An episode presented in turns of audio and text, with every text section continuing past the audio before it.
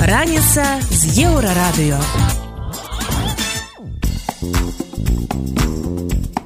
Добрай раніцы вітаем вас на еўрарадыё пачынаем праграму раніца з еўрарадыё штодзённае шоу пра важныя падзеі якія ўплываюць на жыццё беларусаў. Распавядаем пра галоўныя падзеі мінулага тыдня мігранты по-ранейшаму не сыходзяць з беларуска-польскай мяжы. Такое дешевое давление на европейский союз с одной единственной целью чтобы наконец-то увидели чтобы кто-то наконец-то посмотрел на лукашенко.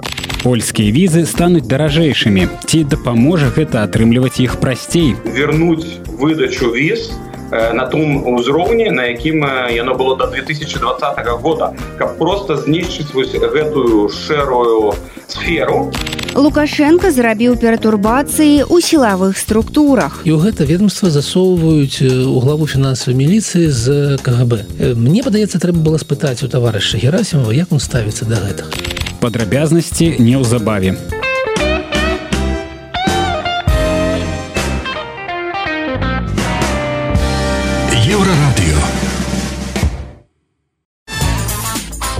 Раніца з еўрарадыё. Мігранты на беларуска-польскім памежжы сталі часей здзяйсняць крадзяжы і падпалы пабудоў мясцовых жыхароў. Гэты факт прызнала смаргонская пагранічная група, але падрабязнасцяў не прывяла. Памежнікі кажуць, што мігрантаў з афраазіяцкага і каўказскага рэгіёнаў, а таксама з блізкага ўсходу стала прыкметна больш і просяць паведамляць ім або ў міліцыю, калі нехта заўважыць падазроных людзей уздоўж мяжы. Адзінае, чаго не распавядаюць памежнікі, гэта адкуль мігранты з'явіліся на беларускай мяжы. А туды іх пусціў беларускі рэжым, каб зладзіць мігранцкі крызіс для Польшчы і краін Еўросаюза. Але сёння ўсё больш праблем мігранты ствараюць менавіта беларускім жыхарам памежных рэгіёнаў. Хаця першапачаткова планавалася іначай. Пра мэты міграцыйнага крызісу ў размове з выданнем свабода прэміум распавёў дэпутат еўрапарламента ад Геррманіі Сергей Лагадзінскі. Здесь идет и надо об этом при всей критике э, э, антигуманитарных каких-то там поползновений со стороны Варшавы. Э, здесь же понятно, о чем идет речь. Э, речь идет о том, что вот так называемый правитель в Минске при поддержке правителей в Москве ну, решил использовать Евросоюз э, и, э, ну, как это сказать, это ransom, да, то есть это просто такое дешевое давление на Европейский Союз с одной единственной целью, чтобы наконец-то увидели, Э, чтобы кто-то наконец-то посмотрел на Лукашенко, чтобы кто-то наконец-то заговорил с Лукашенко. Тым часам крызіс працягваецца. Толькі за 23 год польскія ўлады зафіксавалі каля 26 тысяч нелегальных спробаў трапіць у іх краіну з Беларусі. Праўда, на пачатку гэтага года такіх аматараў амаль не было. Хаця людзей, якія ходзяць уздоўж плота на мяжы і шукаюць, як праз яго пралезці, памежнікі фіксуюць штодня. Таму жыхарам памежжа сапраўды трэба быць пільнымі і асцярожнымі. Раніца з еўрарадыё. Далей у праграме раніца з еўрарадыё.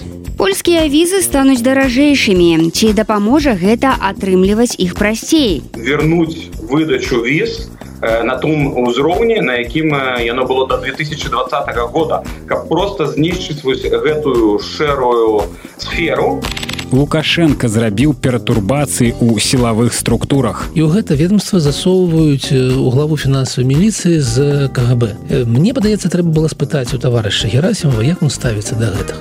Пра гэта ды іншае больш падрабязна бліжэйшым часам. Раніца з еўрарадыё амаль 14соткаў беларусаў якія падаваліся на часовы дазвол на жыхарства ў польльшчы атрымалі адмову. Агулам жа летась польша адмовіла амаль 24 тысячам замежнікаў. Рэкардсменамі сталі расіяне. Сярод іх не атрымаў дазвол кожны трэці. Найменшы паказчык сярод грамадзян украіны толькі 5соткаў атрымалі польскі внж больш за 330 тысяч чалавек. Беларусаў сярод іх было амаль 60 тысяч. Усяго на канец мінулага года у польльшы пражывала 118 тысяч наших суайчыннікаў. І гэта толькі тыя хто мае сталыя дазволы на жыхарства цяжэй падлічыць тых хто там знаходзіцца часова па візах але цяпер іх візы атрымаць будзе цяжэй бо яны падаражэюць. Пра гэта заявіў міністр замежных спраў польшчы радаслаў сікорскі. Ён не назваў наколькі вырасце консульскі збор але падкрэсліў што польскія візы былі самыя танныя ў еўросаюзе Нагадаем, складаная сітуацыя з візамі для беларусаў не новая. Яшчэ ў восень мінулага года ўзніклі праблемы з гуманітарнымі, а потым з турыстычнымі візамі. Прычыны гэтага ў размове са свабодай прэміум назваў кіраўнік беларускага дома ў варшаве Алесь Зарымбюк. Ні для кога з нас не з'яўляецца сакрэтам, што зараз апошнія гады гэта вельмі вялікая праблема і што беларусы, якія хочуць проста выехаць з краіны, вымушаныя праз нейкія шэрыя схемы э, атрымліваць гэтыя візы. Мы зараз ведаем что лідарам выдачы шенгенскіх візаў для беларусаў з'яўляецца Італія. Такая статыстыка. Раней гэта заўжды была Польша. Ось і тут э, вельмі важна перагледзець вось гэтыя правілы і вернуть выдачу віз э, на том узроўні на якім яно было до 2020 года. Каб просто знішчыць вось гэтую шэрую сферу кой карыстаюцца махляры. Відаць у павышэнні кошту на візы польскія ўлады бачаць вырашэнне праблемы. Але ці дапаможа гэта беларусам прасцей іх атрымліваць пакажа час. Раніца з еўрарадыё далей у праграме раніца з еўрарадыо лукашенко зрабіў пературбацыі ў сілавых структурах. І ў гэта ведомства засоўваюць у главу фінансавай міліцыі з кгб мне падаецца трэба было спытаць у таварыша герасімова як он ставіцца да гэтага. Працягнем неўзабаве.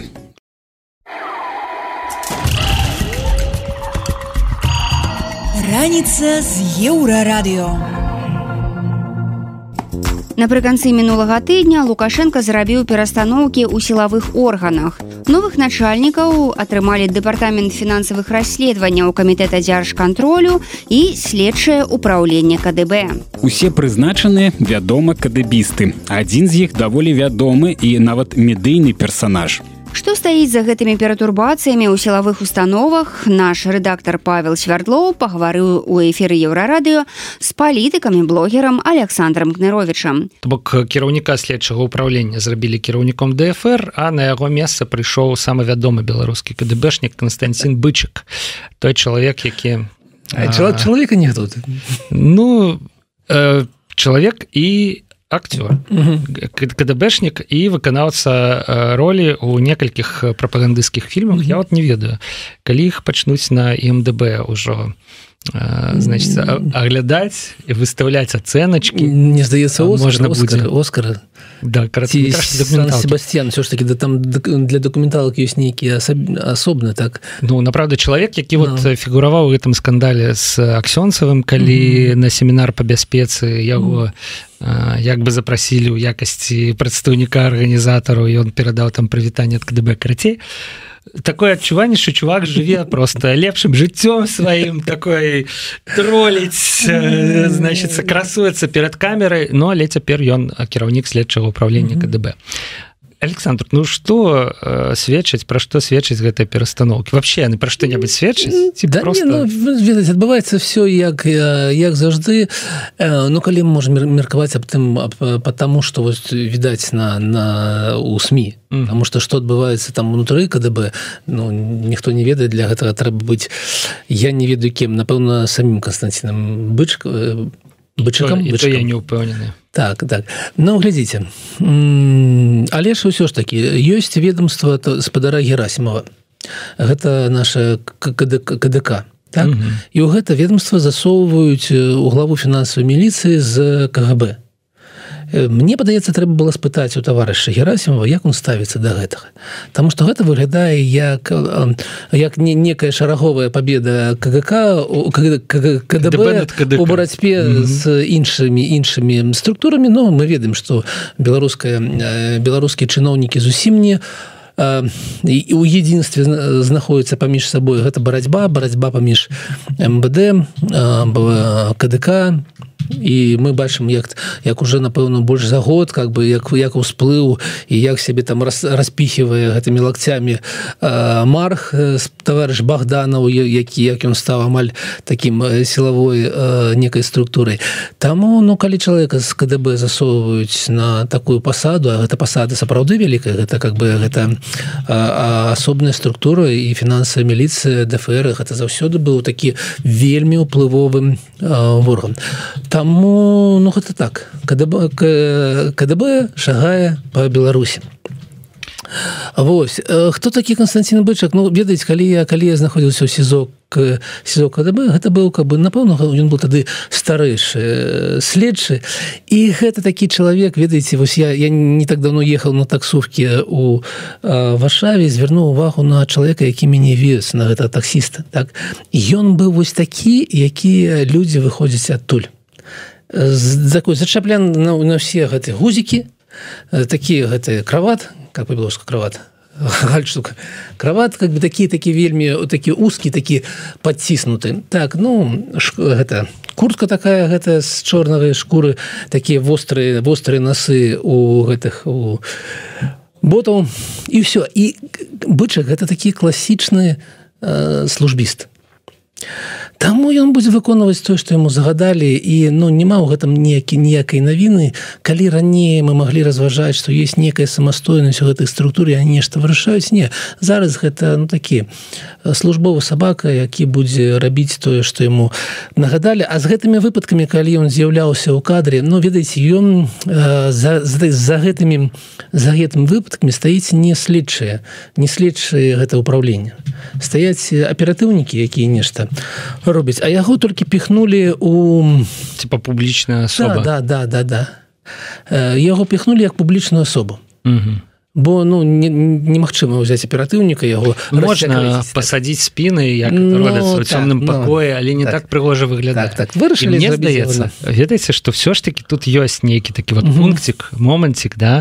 Все ж таки звычайна ва ўсім свеце вось такія аператыўнікі что з ФБР там что з ми сколько там 56 да? Что с КДБ ФСБ. Яны садятся спінай нешта распавядаюць але зацененыя і гэтак mm -hmm. тут іншая сітуацыя mm -hmm. тут у нас есть публічная асоба галоўны КДБшнік ну, не, так. ладно галоўны у нас так публічная особа публічная так. особа але ў кіно не здымаецца будем другі когда ён ён здымаецца ў навінах там так. у этом самым у палацы незалежнасці побач з лукашэнкам да а гэта здымаецца ўжо ў гульнявым кіно як бы і ну мне здаецца что перспектыва добрая без яго імпэту так да без яго жадання вот быць гэтай асобай не, не, не, не, не. гэта не. б не адбылося сидзелі б кДбэшнікі як звычайна сядзяць па ўсім свеце то адвярнуўшыся і у цёмным пакоі не згодзін с вами. Гэта быў наказ ад кіраўніцтва і бачна як яму неёмка ў гэтай справе тому что ён ён прызвычалася того что да яго суразмоўцаў прывозяць у гэтых у як кайданкі по-беларускі прывозяць звязанага і калі ён такі весь размушаны калі ён не ведае што гаварыць калі ён калі калі бычак пануе у гэтым становішча А тут яго засунули ў ту сітуацыю калі ён выскочыў нешта казаў і быстренько збег. То есть ён ён не можа размаўляць з людзьмі. І гэта прабачце але гэта не азаронак які які мог знаходзіцца ў эфіры з дудзінскім і не как бы гэта у гэтым на простым эфіры неяк размаўляць. Не бычак ну як заўжды. Калі ў іх ёсць улада яны тады как бы моцныя. Калі трэба паразмаўляць неяк уступіць у контакт не. Гэтыя людзі не угу. не для таго яны прызначаныя. Бачу александр что ў каментарах нам наракаюць что мы нават не прабачыліся за спазнення ну, прабачаемся. ну справядліва ну, прабач справедлівасць чыста тэхнічныя моманты сябры але ну так адбылося. Прабачаемся шчыра Таму что ну сапраўды вот я вінаваты на падтрымаю Павла я так сама вінаваты у нас такі 50 на 50 гэта была вины. ну все все так есть. ласка а і ўсё гэта ўсё ж таки да вернемся до гэтых сілавічкоў да все гэта ўсё ж таки гэта нейкая такая банальная ператасоўка конечно. Як гэта сказаць перастановка ложка у барделі слухайте бычак фальсікава фальсікаваў справы. Гэта яго праца за мной побач сядзелі людзі якім он якім якім рабіў тэрмін. 8 гадоў 12 гадоў. Затое ну ці было злачынства нет но за тое за што павінен был даць три гады людзі атрымлівалі 10 гадоў. І гэта яго справа. Ён служыць ну самому галоўному следчаму у нас. з, з, вусо, з вусамі які заўсёды знае якое павінна быць пакаранне чаго вы гэтага пасадзілі чаго гэтага адпусцілі і так далей. І нічога болей. Філасофія ніякая не змяняецца. Нехта я кагосьці ўнутры сістэмы перамог але ўсё застаецца так як оно і было. Але роля сілавікоў у беларусі не толькі ў палітычных справах. Яшчэ больш ім цікавая сфера бізнесу асабліва там дзе можна атрымаць сваю долю. Размова у паула свярдлова і александра кныровича зайшла і пра гэтую спецыфічную з'яву ў беларусі еўрарадыо написала заўважыла і написала что макдональдс оказывается ўжо не тых не тых чых быў а тых кого надо ўжо макдональдс нормальнага да? беларуса не і гэта да гэта нормального беларуса у якой есть грошы да ну. хорошего Вось і гэта быў кейс які неспадзявана праз тыдзень кінуўся каментаваць сам mm -hmm. александр лукашенко на нарадзе сказал что вот супакоіў народ типа что макдональдс все нормально з ім кого надо макдональдс і я вось думаю чаму гэта так адбылося? Чаму ну мы пішам шмат пра што реально і не толькі мы там і ніва і свабода і зеркала і белсад да? А лукашенко с усяго с усёй гэтай крытыкі там что крытыкі шмат ён звяртае увагу і лічыць неабходным впісацца менавіта за макдональдс. Ну таму что у яго наконт макдональдс якісьці такі шизофренічны пунктик. Як гэта выглядае я нагадывал у гэтай студыі там то что і потом паглядзеў гэта быў ну гэта было уже 20 гадоў таму калі ён ездзіў мимо гэтага макдональдса на праспекце незалежнасці казаў чаго ён здесь давайте прыбярэм і гэта хутка харчаванне беларускае бістро зрабілі за дзяржаныя грошы яны потом быстро памерлі гэты. У яго пункце ён ён как шизофренік заўсёды туды звяртаецца і калі мы там палітвязні калі мы там санкцыі то ўсё роўна А як только вы написали про макдональдс так адразу как бы яго і заняло. Яму захацелася пагаварыць людзьмі об гэтым не как бы распавесці якія там злыя амерыканцы якія бро кінули 25 рэстаранаў а Ух, і конечно для меня гэта было нейкім трыггером як каб паглядзець на тое что адбываецца цалкам на тое что адбывалася ў некай рэтраспектыве тое что адбывалася раней і тое як змянілася зараз становішча чаму тому что раней не адціскалі ўласнасць у замежнікаў никому не прыходзіла ну з гэтых КДБ і тых структур якія мы уже сёння нагадывалі не прыходзіла до головы что можна ціснуць там уласнасць у шведаў ці у палякаў ці у немцаў. Гэта заўсёды была такая вось тут тут мяжа тут плод не трэба яго пераходзіць. І сваіх нас... бей так, каб чужыя так, баяліся а вот чужых паважай Таму что чужых мало товар штучны то ну, як бы могуць і скончыцца а яны патрэбныя ну.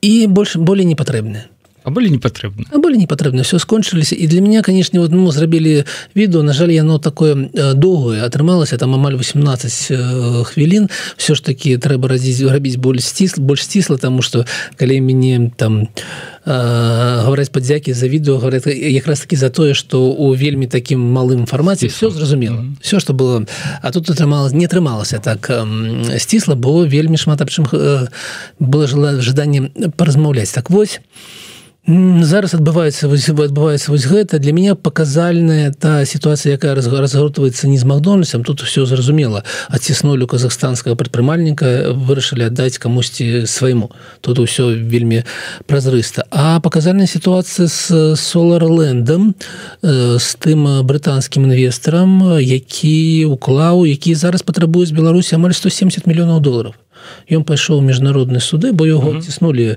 ягоную уласнасць кітайцы якія удзельнічалі у гэтым праекце таксама патрабуюць беларусі амаль 130 мільёнаў. Гэта былі ўклад праз абсталяванне гэтых гэтых сонечных всех гаворка про самую вялікую так. сонечную электрастанцыю якая выглядала для беларусі у той час абсалютна футурыстычна вялізарныя палі ў чэрыкаўскім недзе там раёне магілёўскай вобласці застаўленыя вось гэтымі прыгожымі класнымі сонечнымі панелямі карці круты быў проект прям нават візуалу я ну, быў так. такі магутны. І скончылася ўсё як звычайна.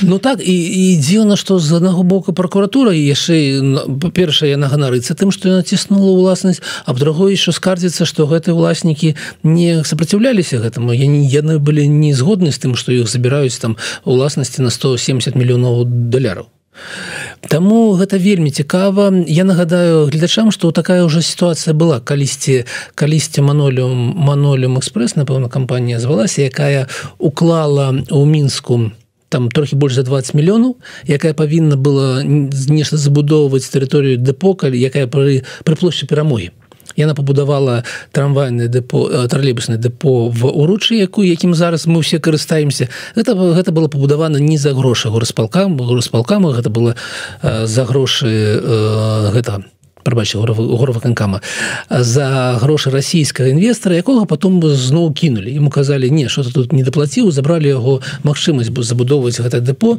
аддалі зараз кто там асто напэўна? А 100 да забудоўваем. Ну, а што не мае а што не мае дачынення да ціскання а 100 напэўна там ну, я ну, слухайте асадачак ты застаўся калі ты экспрапрыюеш экспрапрыявана да, да, давайте крадзеная то не вельмі добра гэта выглядае так вось как манолем патрабаваў з беларусі 200 мільёнаў і праз швейцарскі арбітраж праз вот некалькі гадоў ўсё ж таки адціснуў з беларусі трохі больш за 20 мільёнаў то есть яму э, пагадзіліся аддаць тое што ён усё ж таки уклаў Ну ясна 200 гэта відаць была страчаная так, так, так, страчаная выгода упушчаная а 20 гэта тое што рэальна ўжо так. Таму ну, адбываюсь вось гэта гэта мне здаецца што гэта а, вельмі цікава як сімптом і гэта калі мы паглядзім трохі з больш высокага погляду то гэта сімптом таго што той Беларусі якая была до 2019 года больш не існуе мы ўсе разам жылі ў беларусі дзе улада была неяк асобна і калі ты не лезеш палітыку ты муж і маеш магчымасць будаваць прыватны бізнес там рабіць нейкія буйныя там культурныя праекты рабіць нейкія ну і нейкія іншыя праекты якія ўплываюць на э, на беларусаў які не маюць дачынення да э, да палітыкі. І таму звычайны беларус калі задаваў пытанне ну що такое Ну так сидзець сидзець у нас турме там тры тры апозіцыянеры Ну так яны заўжды ходзяць па вуліцах нешта крычаць mm -hmm. і яны мелі рацыю тому что краіна была ўсё ж таки больш-менш э, такая еўрапейская з таким прыдрукаватым нейкім кіраўніком які все ж таки шмат во што і не лезе і жыць магчыма А цяпер у нас цяпер краіна нас іншая. зусім іншая Ну я б не сказал что дужа э, дужа працавалі законы да законы не працавалі. Бок працавалі відаць такія асабістыя гаранты. Я вось памятаю штадлер да як так. заходзіў на беларускі рынок прямо вот казалі лукашенко наўпрост казаў этому петару шпулеру что мы ж з тобой пагаварылі я табе паабяцаў вот так вот э, як бы бізнесовец у беларусі можа адчуваць сябе абароненым дакладней мог да 2000 ну окей двадцатого года. Mm. цяпер ніякія гаранты э, недавно быў фільм з хлопцам з розум роботикс я на жаль не памятаю як яго э, завуць. Ён цяпер жыве за мяжой адседзеў там нешта А у першых прямо кадраў фільма калі яго прадстаўлялі былі кадры як ён показвае нейкую сваю распрацоўку рабатызаваную відаць вось у парку новых тэхналогій таксама зразумела каму значится александр лукашенко. Все ну пофиг кому-то что показывал там да на якім-то ўзроўні быў дзе там тебе запихвалі каб бы показать что все классно. Это не то что беззаконне я вось забыўся на слово да калі просто есть, есть вот, беспредел беспредел пиратства да. я не ведаю як это можна калі просто дзяржава ператвараецца ў банду і ну по прынцыпе ты знаміць і ты супраць нас забіраю ўсё что на яе думку плохо ляжыць і неважно з кім ты фоткался які у тебе пашпарт там і гэтак далее. Сумна мне здаецца что сумна что за некалькі гадоў Беларусь з краіны дзе ўсё ж таки ну хоць хоць неяк нейкія правілы для бізнеса існавалі ператварылася ў краіну дзе увогуле нікога ніякія правілы не турбуюць а за выхад з, з, з гэтай краіны mm -hmm. трэба заплаціць заплаціць заплаціць невядома что ну, вы про гэта ведаеце александр? что, ну слухайте ну как бы что я нічога нічога асобнага ніякіх інсайдаў мне няма мне есть інсайд тк3 а з гэтай нагоды ну что ну вось ну неяк дамовіліся сінева сінема сінева дамовілася. Вы выкраслі ее з гэтага спісу не сяброўскіх інвестараў якіх немагчыма далі магчымасць продаць бізнес продать так? продацца ну напэўна там как бы не так не так колькі я памятаю расіянам. Расіянам конечно ну і канешне з дысконтам. Я б на месцы вот гэтых расіян так уключыўся б у гэтую гульню на 100соткаў так, хоць хочаце прадаць за столькі а мы вам вот так мы назіраем гэты дысконт там что былі уже гэта не мы былі дрэваапрацоўчыя нейкія фабрыкі якія ўхадзілі з дысконтам на 50соткаў але гэта... давайте подумаем як гэта выглядае для каго А вот для ўсіх то бок за што дысконт патрабаваць за тое что ты пабудаваў свой завод не ў Польшчы а ў беларусі слухайте выглядае максімальна дрэнна александр просто максімальна ну, гэта опісана ў тэорыі. Калі мы разважаем пра прыбыткі колькі мы можемм зрабіць? Во колькі можна зрабіць калі вы уклалі грошы на дэпазіт на дэпазіты ў беларускам банке там ну доларах там один адсотак так? А у там у беларускіх рублях напэўна 13соткаў але ёсць рызыкі. Калі вы купілі за гэтыя ж грошы біткоін колькі вы можете зрабіць у тры разы болей але ёсць рызыкі што ў тры разы меней і так далей і Украіны есть краінавы каэфіцыент рызыкі у беларусі ён вельмі высокі калі інвестор нейкі укладаў нешта беларусь то ён разумеў что ён кладае таму что ён спадзяецца на прыбыткі таксама раза ў два-тры вышэйшыя таму что рызыкі такія і вось гэтыя рызыкі сыгралі ну, ж таки сюрпрыз неспадзяванка угу яны павінны былі сыграць. Вось яны сыгралі зараз. Гэта былі не спекуляцыі але ўсё ж таки гэта былі такія рызыковыя інвестыцыі якія павінны былі несці несці за сабой э, такія ж самыя прыбыткі. Гэта былі наш галоўрэд павел свярдлоў і палітык блогер александр кнырович яны абмеркавалі пературбацыі ў сілавых структурах а таксама інвестыцыйны клімат у краіне Раніца з еўрарадыё. Далей у праграме раніца з еўрарадыё. Праблем у ЖКГ трэба чакаць яшчэ больш. Очень многие, э, да не очень многие, практически все проекты Евросоюза э, по финансированию были свернуты літоўцы ўсё больш не хочуць бачыць беларусаў у сваёй краіне. І ўсё што прыходзіць з беларусій у незалежнасці ад таго які там погляды ў людзей вось прыйшло з беларусі патэнцыяльная небяспека. Пра гэта больш падрабязна бліжэйшым часам.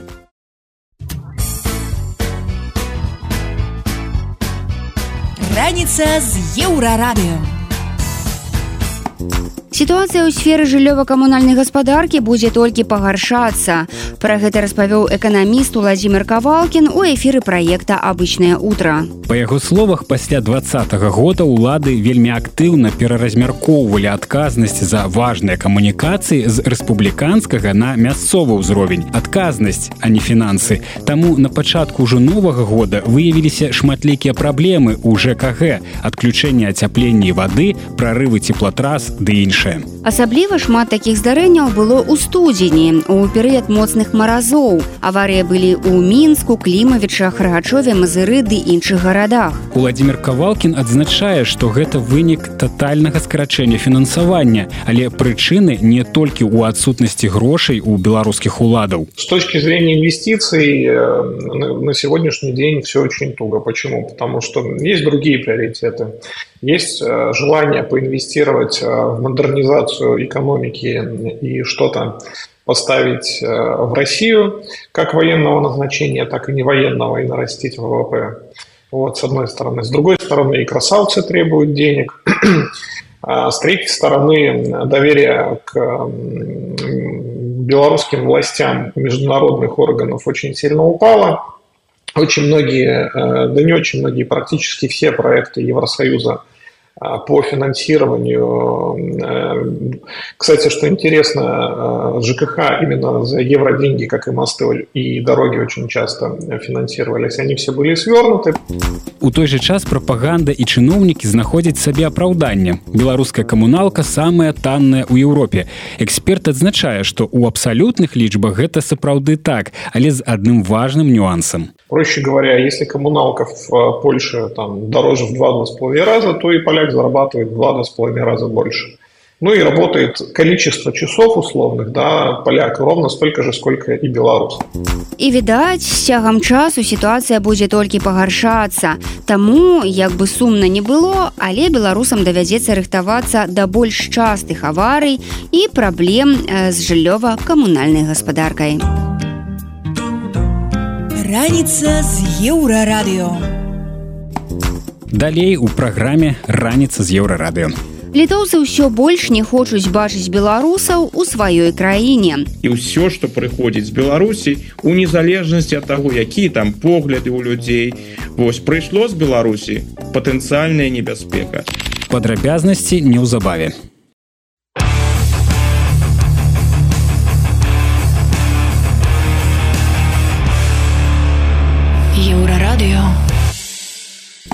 літоўскі журналіст рымас бружас заклікаў паказаць беларусам у літве што ім там не радыя Пра гэта ён напісаў у сваім артыкуле варожая весялосць у вільні у ім спадар бружас наракае што ў літоўскай сталіцы часта адчувае сябе нібы дзесьці ў мінску Праўда калі да яго звярнуліся журналісты ён патлумачыў што меў на ўвазе не палітычных мігрантаў а тых хто падтрымлівае рэжым але ездзіць у вільню на адпачынак ці на закупы ў гандлёвыя цэнтры. Гэты артыкул добра ўпісваецца ў агульны настрой насцярожанага і часам варожага стаўлення да тых, хто прыязджае з Беларусі. Але ў гэтай з'явы ёсць даволі канкрэтныя прычыны. Пра іх у эфіры еўрарадыё разважае палітычны аглядальнік Александр Фрыдман у сённяшніх умовах калі літва фактычна лічыць сябе прыфронтавой дзяржавай і сыходзіць з таго што з тэрыторыі беларусі можа адбыцца напад супраць супраць літвы вось абвастраюцца такія эмоцыі. І ўсё што прыходзіць з беларусій у незалежнасці ад таго які там погляды ў людзей вось прыйшло з беларусі патэнцыяльная небяспека На жаль мне падаецца тое что я зараз назіраю за краінамі балты пераважна і за ну в прынцыпе там тэндэнцыі асабліва не адрозніваюцца просто у беларускі у беларускім кейсе самая цікавая краіна з беларускага пункта гледжання конечно літва тому что там найбольшая колькасць колькасць беларусаў. Ну гэта сведчыць хутчэй тыя тэндэнцыі якія там у грамадстве назіраюцца яны сведчаць про тое что гэтае адмоўнае стаўленне гульня на эмоцыях яна яна будзе працягвацца Ну у літве яшчэ спецыфічная дадатковая дэталь звязаная з тым што ў літве ў гэтым коце пройдуць пройдуць выбары таксама эксперты дадае што немалаважным фактарам які ўплывае на стаўленне да беларусаў стане тое як сітуацыя будзе разгортвацца ў тым ліку ва ўкраіне Вось так дзеянне абмежаванай групы людзей у беларусі могуць сапсаваць імідж усёй нацыі раніца з еўрарадыё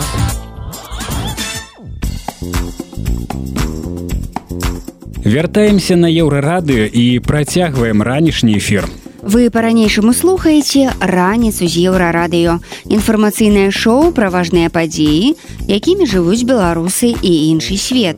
І вось што цікавага мы распавядзем далей. Ці будзе ў саюзнай дзяржавы Росіі і Беларусі адзіная валюта. Об этом разговоров много, но пока о переходе конкретные сроки никто не говорит. Калі ідзе ў беларусаў з'явіцца новы кастусь каліноўскі. Але вырашаецца ўсё ў Беларусі.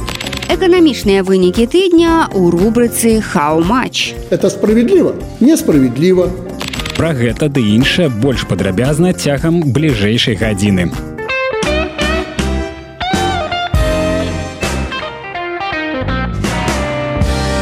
Еўрарадыё. Раніца з еўрарадыё. Эканамічная залежнасць Беларусі ад рассіі расце з кожным днём і яшчэ больш яна ўзмацнілася пасля падзей два -го года і пачатку вайны ва ўкраіне. Але які апошні пункт гэтага працэсу надоечы міністр фінансаў рассіі заявіў, што крамлю была б выгадна адзіная валюта з Беларусю. Раней пра агульны рубель як пра далёкую перспектыву неахвотна казаў Лукашенко згадаў яе і Пуін, але з надзеяй на хуткую рэалізацыю. Дык ці будзе прынята палітычнае рашэнне аб увозе адзінай валюты. Пра гэта выданню Маланка распавёў палітычны аглядальнік Александр Класкоўскі. Лукашенко выдатна разумее, што па-першае, пераход на адзіную валюту на практыцы будзе азначаць пераход на расійскі рубель не будзе Москва выдумляць нейкую дадатковую валюту і ніякага парытэту не будзе ў гэтым пытанні. Фактычна ўсё будзе вырашаць у гэтым выпадку Москва яна будзе загадваць эмісіяй яна будзе вырашаць колькі грошай даваць беларускаму правителю і канешне да лукашенко разумее что гэта вельмі рэзкае абмежаванне суверэнітэту. Я нагадаю что паводле вось той дамовы аб стварэнні саюзнай дзяржавы якая была подпісана яшчэ у 1999 годзе до 2005 года была павінна ўжо была уведзена быць э, агульная валюта. Але калі у падаспеў гэты час лукашенко пачаў усяляку парціцца ён нават э, заклікаў богданкевича былога кіраўніка нацбанка які ўжо да таго часу быў у апозіцыі каб ён сваім аўтарытэтам падтрымаў думку што не трэба пераходзіць на агульную валюту. І тады гэтае пытанне было тарпедаванае менавіта беларускім бокам. Пасля гэтага Москва некалькі разоў спрабавала ўзняць пытанне але яны зразумелі што тут нічога не атрымаецца. Цяпер мы чуем што зноў галасы такія з маскоўскага боку гучаць у прыватнасці міністр фінансаў сілуянаў сілуанаў недавно на гэтую тэму выказаўся але тут жа дзярж сакратар саюзнай дзяржавы мезенцаў падкрэсліў што гэта справа далёкай перспектывы то бок Масква цяпер не хоча надта на напружваць раздражняць беларускага партнёра. Тут ідзе вайна супраць Украіны апошні хаўруснік застаўся. І таму гэта пытанне адзінай валюты я думаю што ў галаве Крэмль яго трымае. То вось калі залежнасць Беларусі ад расці узмоцніцца тады мы ў патрэбны момант і паставім э, гэтае пытанне. Ведаеце гэта той выпадак калі э, вось як у той байцы жабу вараць марудна. Калі укінуць жабу у вар яна выскачыць а калі пакрысе награваць ваду яна зварыцца не заўважыць. Так і тут вось э, прымаюцца гэтыя дарожныя мапы некалі яны так называліся потым саюзныя праграмы цяпер вось зноў інтэграцыйны пакет прыняты на тры чарговыя гады там ужо 11 раздзелаў але сутнасць тое самае. Гэтыя дарожныя мапы яны вядуць да ўсё большай залежнасці беларусі ад рассіі і в эканоміцы і ў палітыцы і ў фінансавай сферы і ў гуманітарнай сферы. І таму Москва просто чакае свайго часу. Яна не гоніць коней не прыспешвае працэс тому что сёння лукашенко робіць для яе ўсё что Москве патрэбна. Цалкам зразумела што адзіная валюта для дзвюх дзяржаў што гэта выключна палітычны праект які намёртва прывяжа Беларусь да рассіі і ўсё жыццё ў нашай краіне будзе кіравацца з крамля што адбываецца з іншымі суб'ектамі федэрацыі.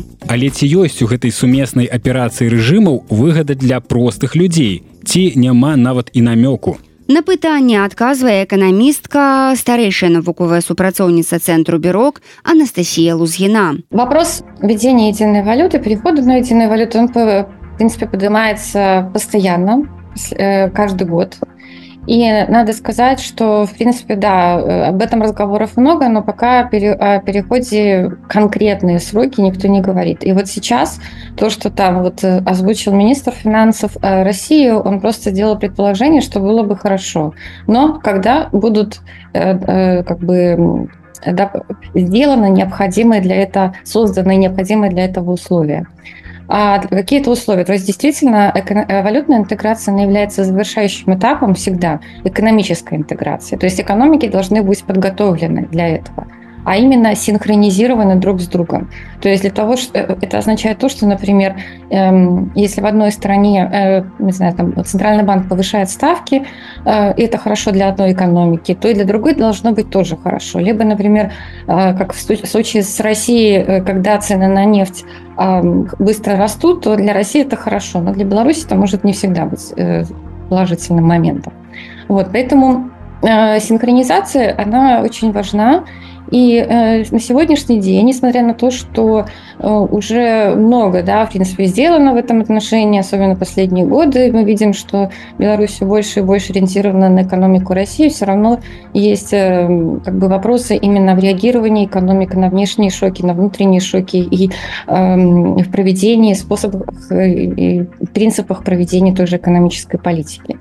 Э, вот, поэтому я думаю, что в ближайшей перспективе все равно Э, никто переходить на единую валюту не будет. Но то, что сейчас уже немножко, на мой взгляд, немножко поменялась риторика со стороны российских э, чиновников, э, ну да, потому что вот и министр финансов об этом как бы заявляет, что было бы хорошо России, да, и с другой стороны тот же Путин, он же высказался о том, что, в принципе, в Беларуси и России созданы условия для проведения единой экономической и денежно-кредитной политики. Вот, то есть они как бы видно, что россияне в этом плане заинтересованы. Что касается белорусов, то белорусы как бы намного более осторожно к этому вопросу относятся, белорусские чиновники к этому более осторожно относятся, потому что, конечно, переход на валюту – это э, потеря Центральным банком части своего, своей независимости, то есть уже зависимости от какого-то центрального органа. И в случае с Белоруссией и Россией, то есть тут будет э, очень сложно будет соблюсти равенство принятия решений, потому что Россия это большая страна, большая экономика, а Беларусь все-таки по сравнению с ней маленькая. И я не уверена, что россияне захотят на равных вот как бы принимать решения, да, вот в рамках какого-то вот этого наднационального там, например, банка а, да, а, двух стран. А, поэтому здесь вопросы есть. Но в плане того, что это хорошо для населения, меньше каких-то там затрат, да, потому что не надо будет Э, конвертировать одну валюту на другую, ну да, этот такой момент, конечно, он присутствует.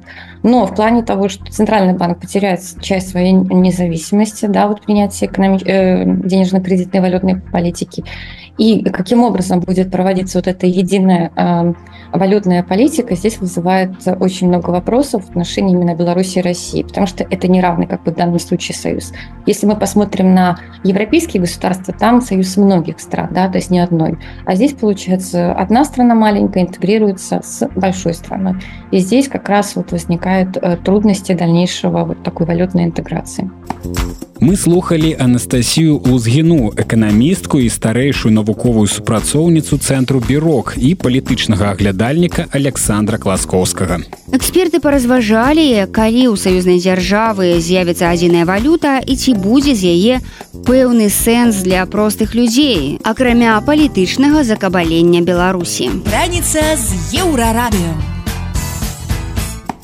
Далей у праграме раніца з еўрарадыё. Калі ідзе, у беларусаў з'явіцца новы кастусь каліноўскі. Але вырашаецца ўсё ў Беларусі.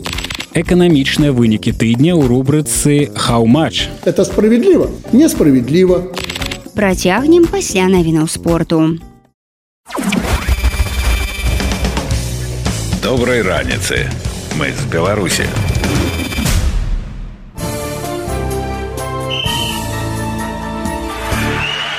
на еўрарадыё навіны спорту.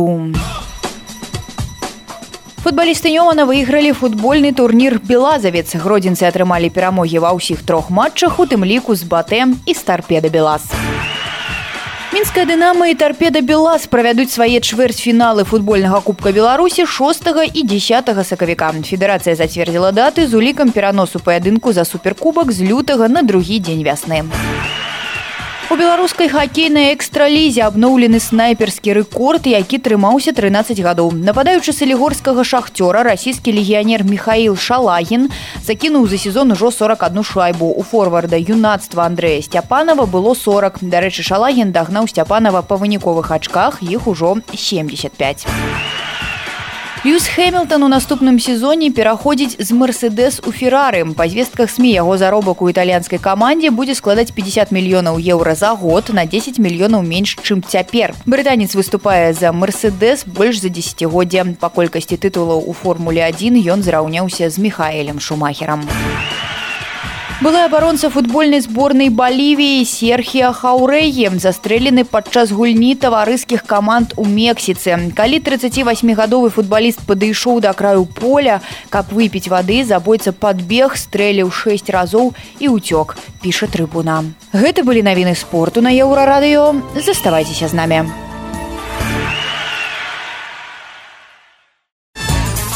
Раніца з еўрарадыё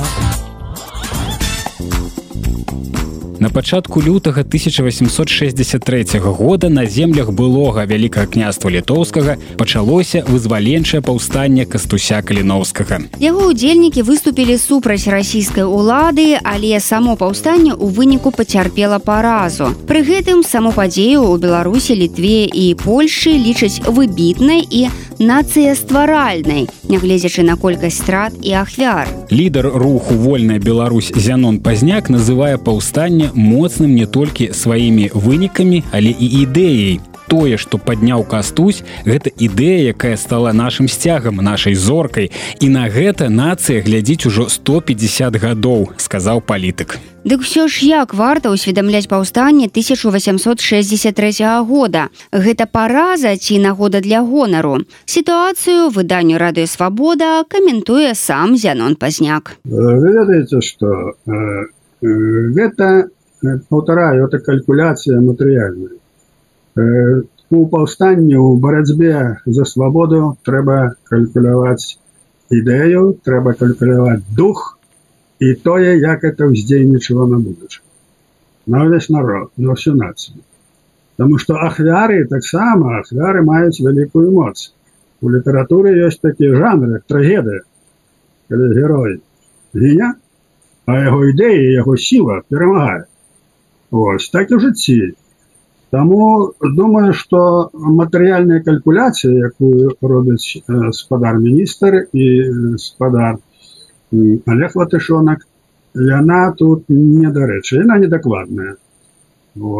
Таму тое, што гэтыя людзі пайшлі за Польшу, пайшлі на смерць, ваявалі, што на кожнай вуліцы ідзеш па варшаве гэтае месца, значится адзначана крылёй палякаў гэтак далее это все гаворыць аб, аб тым что было что ахвяры былі что это нельга забыть это умацоўвае дух пакаленняў. Вот что это важно это недарэмна было паўстанне. Хотя конечно пацярпела параза сколько было ахвяр не падрыхтаван але дух яго жыве і мацуе палякаў. Гэта ёсць галоўнае. А про каліновского так мовы няма Ну, мы ж бачым як каліновскі жыве як моладзь яго падымае яго ідэі яго думкі. Толькі тады народзе зажывеш шчасліва калі маскаля над табой не будзе. Ну гэта ж для сённяшняго часу тое што трэба. Дарэчы у менавіта ў той самай Маскве супраць каліновска вядзецца вялікая праца ёсць гісторык который гэтым займаецца каб як бы прыменшыць сямя каліновска ў гісторыі беларусі. Александр дзюкаў ён блізкі да крамля называе яго бандерай беларускім. На вашу думку ну вот а что можна зрабіць на, на што спадзяванне ў такіх людзей так? Бо можна що заўгодна прыдумаць мільён фэйкаў. Якая мэта гэтага ўсяго? Ну якая мэта хлушней Ну мэта абшука ашукаць усіх ашукаць самого сябе Вось скарыстаўшы гэтую хлусню зрабіць праціўніка больш слабым не знішчыць яго для чого хлусня? Для того каб аслабіць праціўніка так але як это можна аслабіць вот некім фэйкам про тое что напрыклад ну каліновскі не быў ніякім беларусам бо ён быў насамрэч палякам таму беларусы перастаньце займацца ягоным імем аслабіць гэта можна таким чынам что э, нацыя шматлікая чытаюць розныя людзі э, часто людзей чыталі про каліновску тое что трэба а часто нічого не чытала і тут ім под руку трапляецца дзякаў это дзюкаў Вот они почитали, о, так это, оказывается, вот оно что. Это все. Вот в чем справа. Тому хлусня дзейнічае, тому что народ шматлікі. Акрамя таго, сродкі масавай інфармацыі яны абымаюць розную колькасць людзей. Ну, скажем, сколько там абымае, допустим, Белсат. Ну, хай, ну, 20 тысяч, допустим. Ну, хай 200 тысяч. А что абымае расійскае тэлебачанне і расійскія каналы? Мільёны. Таму э, тыя, хто валодаюць сродкамі масавай інфармацыі, і тыя, якія хлусяць пра сродкі масавай інфармацыі, яны спадзяюцца на эфект э, аслаблення свайго праціўніка. Таму такая іхная палітыка, а для Москва гэтым жыве. Для у Москве это галоўная палітыка, прапаганда э, тое, што цяпер тое самае было і ў 19 стагоддзе, толькі тады не было інтэрнета і тэлебачання. Але ўсё тое самае. Вот. Рушня асноўная зброя у імперыі. У студзені Зянон пазняк выступаў з прамовай у лодзі, дзе заявіў, што асноўная сіла перамен Беларусі знаходзіцца не ў эміграцыі, а там у Беларусі. Маўляў, толькі людзі ў краіне змогуць вырашыць палітычны крызіс, які ўзнік пасля падзей два -го года. І задача нацыянальных сілаў рабіць так, каб гэты дух толькі мацаваўся. Але сёння гэта складана уявіць, гледзячы на ўплыў расійскай прапаганды і актыўную палітыку русіфікацыі з боку рэжыма Лукашэнкі. Дык як песціць нацыянальны дух, калі нават чытанне незалежных СМ крыміналізавана. Паслухаем парады ад зянона пазняка. Ну вот мы былі маладымі, былі студэнтамі 60 гады, мы чыталі беларускія кніжкі богдановича каліновского рабілі сам выдат перадавалі адзін аднаму ніхто нічога не ведаў дарэчы наш сам за наш сам выдат нікога ну правда там былі некаторыя рэпрэсіі ось таму барацьба магчыма ў любых умовах нават у турэмнай камеры усё магчыма калі ёсць мэта ёсць дух ёсць разуменне што трэба рабіць і ёсць надзея. Ось так і тут Беларусі амаль 10 мільёнаў ну зараз трохі меней. Народ разумны ну, все бачыць што робіцца вот таму трэба мацаваць это дух шукаць інфармацыю кантактаваць з людзьмі подсказаная якая можа быць сістэма сістэма ланцуговай рэакцыі якую мы выкарыстоўвалі ў 60-х годах. Это значыць два чалавекі звязаныя і яны першы не ведае з якім звязваецца другі ланцуговая рэакцыя ідзе па інфармацыі это показало что это дае эффект вот те люди якія ў 60-х годах гэта э, читали вывучали читали кнігі перадавали адзін аднаму по гэтай ланцуговай рэакцыі яны калі ім ужо было по 40 по 45 гадоў яны стварылі народны фронт яны дасягнули незалежнасці беларусі вот колькі патрэбавалася часу. Тут столькі часу не будзе зразумела Вось але ёсць вялікія магчымасці тому что ёсць інтэрнет есть розум в голове, может умение анализовать, вот. есть разумение, что такое режим, что такое Россия. Люди бачат, робят выводы. Ай, гэты торфяны пожар горить. Трэба накапливать пэўныя сродкі, якія неабходныя для барацьбы. Не называю гэтыя сродкі, каб ну, тут разумею, чаму нельга называць. Вот. Есть пэўныя сродкі для барацьбы, матэрыяльныя, духоўныя, арганізацыйныя, гэта ўсё магчыма. Акрамя таго, гэтая сітуацыя ў Беларусі рэжымная, она нестабільная. На нейкім этапе эта палітыка дасць збой. І вот тады, калі дасць збой, тады трэба быць гатовым. Тады, калі не, не рыхтавацца, то ўжо будзе позна. трэба рыхтавацца трэба пачакаць як толькі дасць бой тады трэба выступіць. А цяпер правильно не падымайце головы тому что ідуць рэпрэсіі. Идут рэпрэсіі ідзе вал это это рэпрэсіі геноциду знішчаюць за за то что беларус фактычна. І гэта сур'ёзна. Я некалі казаў что гэты режим калі ён умацуецца застанецца разам з расіянай дойдуць до расстрэлу. Пакуль што не дашлі але яны будуць калі яны будуць існаваць далей. Вот зараз э, фактычна яны ставяць задачу і не скрываюць гэта вынішчыць усю актыўную частку нацыі. Актыўная частка нацыі у любой нацыі гэта ну 10-20 адсоткаў у нас это 10 адсоткаў. Это заўсёды так. Нацыянальна актыўная палітычная не могуць быць усе. А вот пэўная частка яна ёсць. Яны поставілі гэтую задачу. І крок за крокам кожны дзень хапаюць людзей кідаюць у турму ствараюць умовы каб яны сталі інвалідамі ось калі магчыма іх там забіваюць і так далей гэта пачатак вось того геноцида якія запланавалі на вынішчэнне актыўнай часткі нацыі мы гэта павінны разумець у беларусі потому что там жыве народ. Там же там могуць быць адзін адным заврыту мы живем у эміграцыі сярод другого грамадства мы можем только дапамагаць дапамагаць інфармацыі дапамагаць э, нашаму палку каліновскому ствараць свае структуры. Але вырашаецца все ў беларусі. Там усё вырашыцца. і там з'явіцца Э, сапраўдны лідар нацыянальны. Там з'явіцца. Мы слухали зянона пазняка палітыка і кіраўніка руху вольная Беларусь Ён распавёў як варта ацэньваць паўстанне 1863 года з удзелам кастуся каліноўскага і як мацаваць нацыянальны дух у краіне ва ўмовах санкцый і рэпрэсій з боку прарасійскіх сілаў. Раніца з еўрарадыё Далей у праграме раніца з еўрарадыё. Эканамічныя вынікі тыдня ў рубрыцы хау-матч. Это справядліва, несправядліва. Працягнем пасля навінаў шоу-бізу.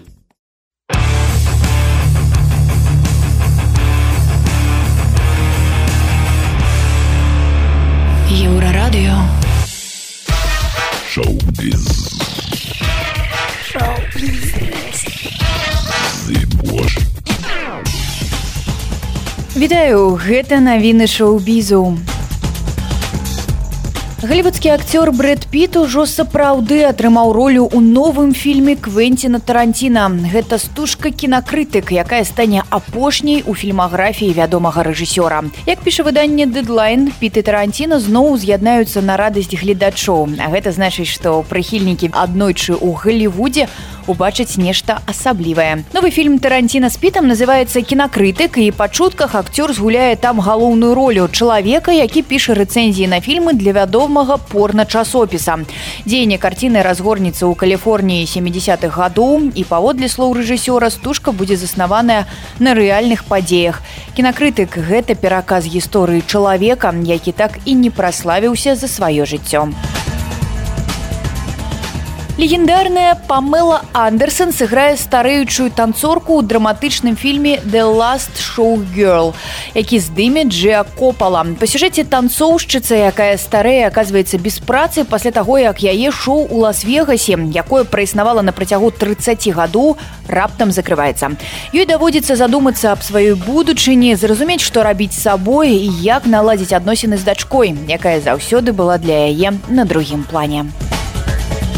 У сетцы з'явіўся цізер фільма уяўныя сябры. Стужку цалкам зрэжысіраваў Джон Красінскі, а адну з галоўных роляў выканаў Райан Рэйнальдс. У цэнтры сюжэту дзяўчынка падлетак па імені Бі, у якой ёсць унікальная здольнасць. Яна можа бачыць уяўных персанажаў, якіх калісьці прыдумалі і забыліся іншыя дзеці. Усе чароўныя сябры маюць суперсілу, якой хопіць на выратаванне цэлага свету. Праўда, каб яе актываваць, неабходна, каб аб іх успомнілі гаспадары. Дапамагаць біў гэтай няпростай задачай будзе персанаж Рэнальдса. Гэта былі навіны шоу-бізу, заставайцеся на хвалях еўрарадыё.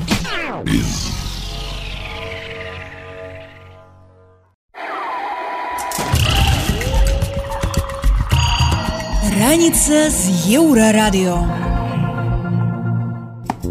З беларускага рынку працягваюць сыходзіць замежныя кампаніі. У снежні мінулага года ў мінску закрылася прадстаўніцтва самага дарагога фармацэўтычнага бізнесу Еўропы дацкай нова нордикс менавіта яна вырабляе прэпараты ад дыябету. Прадстаўнікі кампаніі пацвердзілі што офіс у нашай краіне сапраўды зачынены. Пры гэтым датчане адзначылі што па-ранейшаму працягваюць пастаўкі ў Беларусь жыццёва важных прэпаратаў інсуліну вырабляючы іх на заводзе кампаніі ў калужскай вобласці рассіі Ну а іншыя не менш цікавыя эканамічныя навіны мы вам распавядзем у нашай штотыднёвай рубрыцы хау-матч хау-матч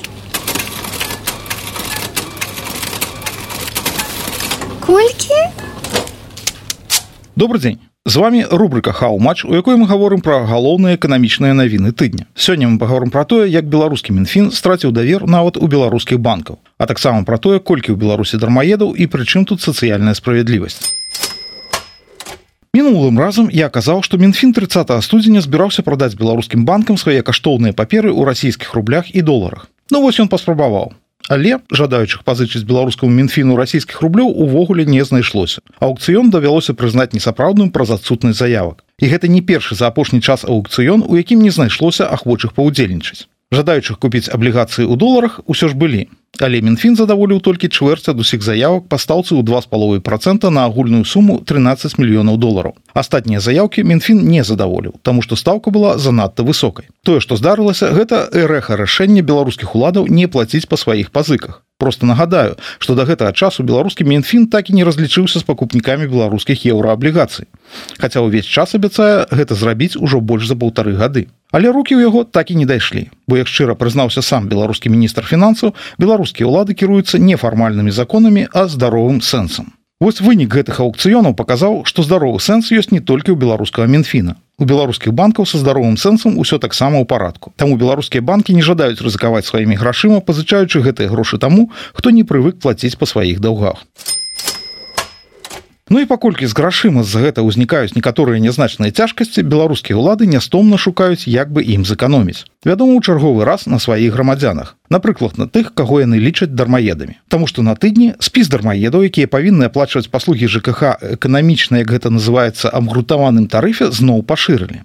Эканамічная абгрунтаванасць тарыфаў гэта наогул асобнае пытанне. Хто каму і як гэтыя тарыфы абгрунтоўваў вялікая загадка Дзяржава ўвесь час скардзіцца, што мы не поўнасцю плацім за камуналку. Дзяржава кажа, што яна вымушана кампенсаваць некую частку гэтых паслуг. Праверыць мы з вами гэта не можам, таму даводзіцца верыць на слова. Але вось які цікавы момант. Цана на газ для Беларусі не мяняецца ўжо некалькі гадоў. У краіне запусцілі атамную станцыю з вельмі, як нам расказвалі таннай электрычнасцю. Пры гэтым кожны год кошт паслуг ЖКГ расце. Мы плацім больш і больш. Гэта значыць доля кампенсацыі насельніцтвам паслуг ЖКХ таксама павінна расці, бо гэта лагічна але з гэтай долей адбываюцца зусім загадкавыя рэчы. Дадзеных уладаў у 17 годзе насельніцтва пакрывала 60 процентаў кошту паслуг жкх до 21 года доля выросла до 80 процентов усё нормально але до конца 22 года гэтая доля чамусьці упала до 40 процентов і ўзнікае пытанне что такого здарылася паміж 21 і 22 годам что кошт паслуг жкх раптам рэзка ўзрос. А доля затрат якую мы пакрываем усё взяла і упала У сувязі з гэтым узнікае вядома сур'ёзнае падазрэнне, што ў эканамічна абгрунтаваных тарыфах, па якіх павінны аплачваць паслугі ЖКГ людзі запісаныя дзяржаваю дармаеды, ёсць вельмі простае абгрунтаванне. Грошы патрэбныя.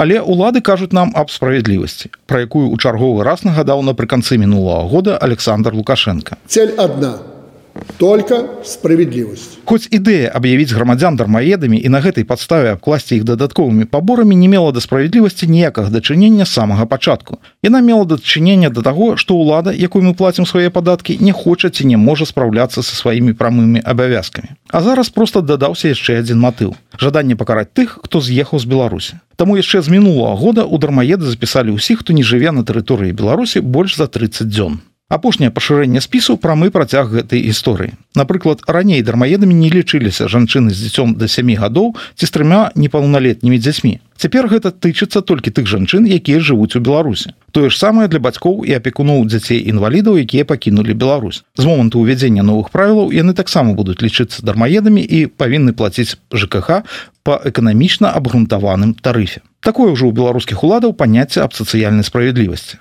А каб справядлівасці дасталося ўсім і ніхто не сышоў не пакрыўджаным памежны камітэт беларусі будзе раз на месяц запытваць у расійскіх калег дадзеныя пра беларусаў якія перасяклі расійскую мяжу Бо на павышаных тарыфах за ЖКГ беларускія ўлады вядома не збіраюцца спыняцца. У наших уладаў яшчэ шмат ідэяў аб тым як паправіць свае справы за наш кошт. Яшчэ з мінулого года улады загаварылі аб тым што грамадзяне прызнаныя дармаедамі павінны аплачваць па поўным тарыфе адукацыю медыцынскія паслугі. Вось што сказаў александр лукашенко. Несколько тысяч не работают а социальные услуги в том числе образование и особенно здравоохранение они получают так, как все. И даже впереди нас.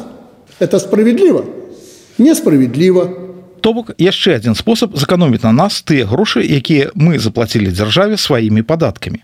А заканоміць можна шмат, бо гаворка ідзе пра тое, каб падабраць сацыяльныя гаранты у сотняў тысяч беларускіх грамадзян. Колькі дакладна сказаць немагчыма, колькасць людзей запісаных у дармаеды улады апошнім часам трымаюць у сакрэце. Ну і мусіць правільна, Таму што лічбы могуць атрымацца шакуючымі. У 19 годзе улады налічылі ў краіне 425 тысяч чалавек, якія як яны гавораць не занятыя ў эканоміцы. І гэта ж усё было да таго, як пачаўся масавы зыход беларусаў з краіны і да таго, як беларусаў, якія з'ехалі з краіны сталі записываць у дармаеды. Зараз паводле самых мінімальных афіцыйных звестак з краіны з'ехалі 200 тысяч чалавек, а па неафіцыйных дадзеных ад афіцыйных асоб усе 350 тысяч. Зразумела, што многія з тых, хто з'ехаў былі дармаедамі і раней. Таму колькасць дармаедаў за 19 год нельга скласці з лікам мігрантаў, каб атрымаць канчатковы вынік. Але ў любым выпадку паўмільёна дзейных актыўных дармаедаў гэта вось проста самы мінімальны мінімум. А хутчэй за ўсё іх вядома больш. І гэта пры чатарух з невялікім мільёнах людзей, якія заняты ў эканоміцы.